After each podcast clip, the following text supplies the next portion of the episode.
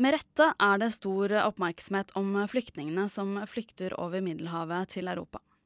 Samtidig er det store flyktningstrømmer flere steder i verden, blant dem folk som flykter fra klimaendringer. FNs klimapanel har spådd at et av de alvorligste følgene av klimaendringene vil bli nettopp at ytterligere millioner av mennesker blir fordrevet. Men muligens paradoksalt nok anses, anses ikke mennesker som flykter fra klimaendringer som flyktninger etter FNs flyktningkonvensjon. Med oss på telefon fra Sveits har vi Nina Birkeland, seniorrådgiver i Flyktninghjelpen. Velkommen. Takk skal du ha, og god morgen i Oslo. God morgen, god morgen. Eh, aller først, hva er en klimaflyktning, og hvor stor er denne gruppen? Det Når vi snakker om hvem som er klimaflyktninger, så mener vi de menneskene som må flykte fordi at uh, du har naturkatastrofer og klimaendringer som gjør at folk ikke lenger kan bo der de gjerne vil bo. Og stort sett så er det ikke så stor forskjell for de når de må flykte, som de som flykter fra krig og konflikt. For hvis ikke du lenger kan bo der du hører hjemme og gjerne vil bo, så flykter du. Men uh, når vi snakker om hvordan folket har rettigheter, så er det veldig stor forskjell. Fordi at eh, De som eh, flykter pga. krig og konflikt, de har som du sa i innledningen, noe som heter Flyktningekonvensjonen. Og Det er en eh, konvensjon som ble laget etter andre verdenskrig, som var veldig mye fokusert på å sikre rettighetene de som var på flukt etter andre verdenskrig. Og så har man i løpet av alle disse årene også skjønt at det ikke bare er krig og konflikt som skaper flukt, men også andre ting, inkludert klima. Men eh, de er som du sier, ikke inkludert i den flyktningkonvensjonen. Per i dag så vet vi ikke nøyaktig hvor mange det er, men vi vet at det er to, tre, kanskje fire ganger så mange som de som eh, drives på flukt pga. Eh, krig og konflikt. Og når du spør om hvem de er, så tror jeg det er viktig å tenke på at, at eh, når disse menneskene flykter, det kan være flom, det kan være jordskjelv, det kan være eh, tørke. Og når vi har snakk om tall, så har vi tallene på de som flykter pga. Av, av, av jordskjelv og plutselig katastrofe, som vi sier. Men vi har ikke ordentlige tall på de som flykter pga. langsom jorderosjon. I hovedsak, hvor er det vi finner klimaflyktningene i dag? Vi finner de overalt i verden, men den regionen som har aller flest, er Asia. Og det er fordi at du både har flest mennesker i Asia, men også flest mennesker lever i de mest utsatte områdene i Asia.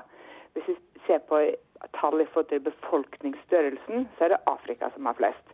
Men vi har også klimaflyktninger i Europa. Senest i fjor sommer så var det jo ganske mange mennesker som måtte flykte i eh, Bosnia og, og eh, på Balkan pga. flom. Vi har situasjonen eh, i USA. Alle har hørt om New Orleans og Catarina. Haiti. Så det er hele verden. Men største antall som sagt i Asia.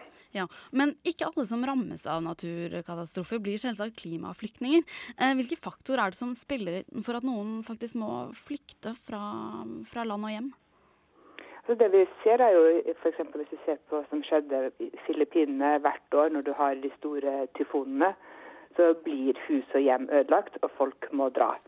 Noen, ikke noen, mange blir igjen på Filippinene, men noen drar også ut av landet. Hvis vi ser f.eks. Eh, på Afrikas Horn, hvor du både har flom, du har tørke sammenblandet med krig, så hvert eneste år så er det hundretusener som eh, må forlate hjemmene sine pga. klimaendringene.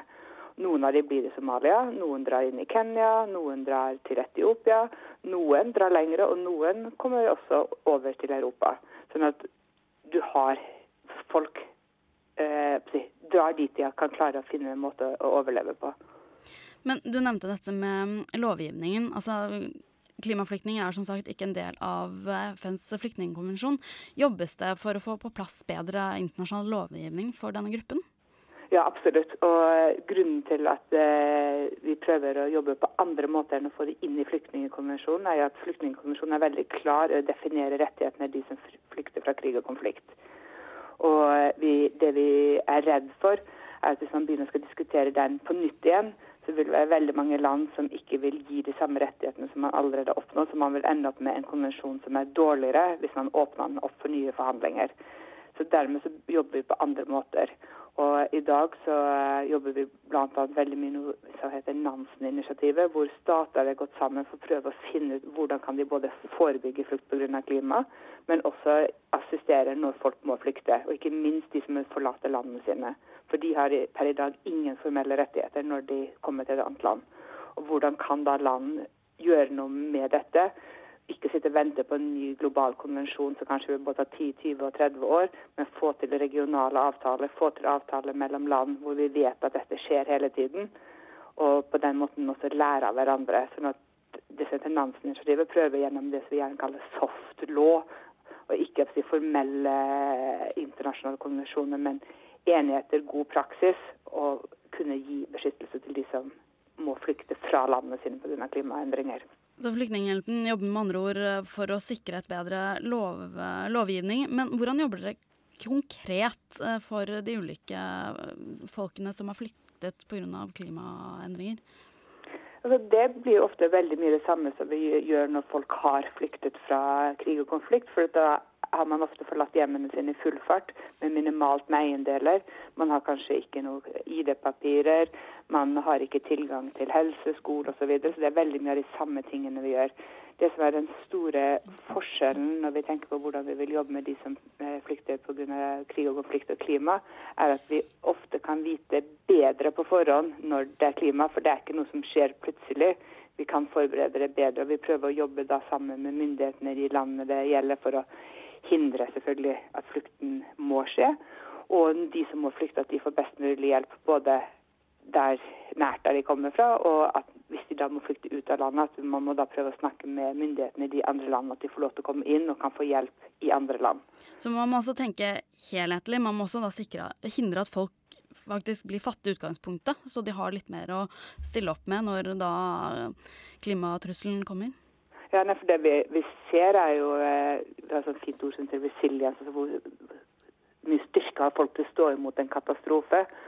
Og hvis folk har mer ressurser, inkludert ikke være fattige, så vil, vil man si, lettere både bare kunne forberede seg og gjøre ting annerledes enn hvis man er blant de aller mest marginaliserte i et samfunn, som de fattige nesten alltid er. Sånn at ved å jobbe med utvikling, sikre på å si at uh, du har gode demokrati, at folk ikke bor i de mest utsatte områdene, så er dette også med på å hindre flukt. Så du ikke bare tenker når katastrofen skjer, men hvordan kan man være med på å påvirke de store prosessene foran. Så når vi mm. jobber med dette, så kan vi ikke bare vente til katastrofen har skjedd. Vi prøver å være med på å påvirke på forhånd også. Nettopp. Har vi klimaflyktninger i Norge? Er det kanskje noen av dem vi omtaler, eller noen omtaler som lykkejegere?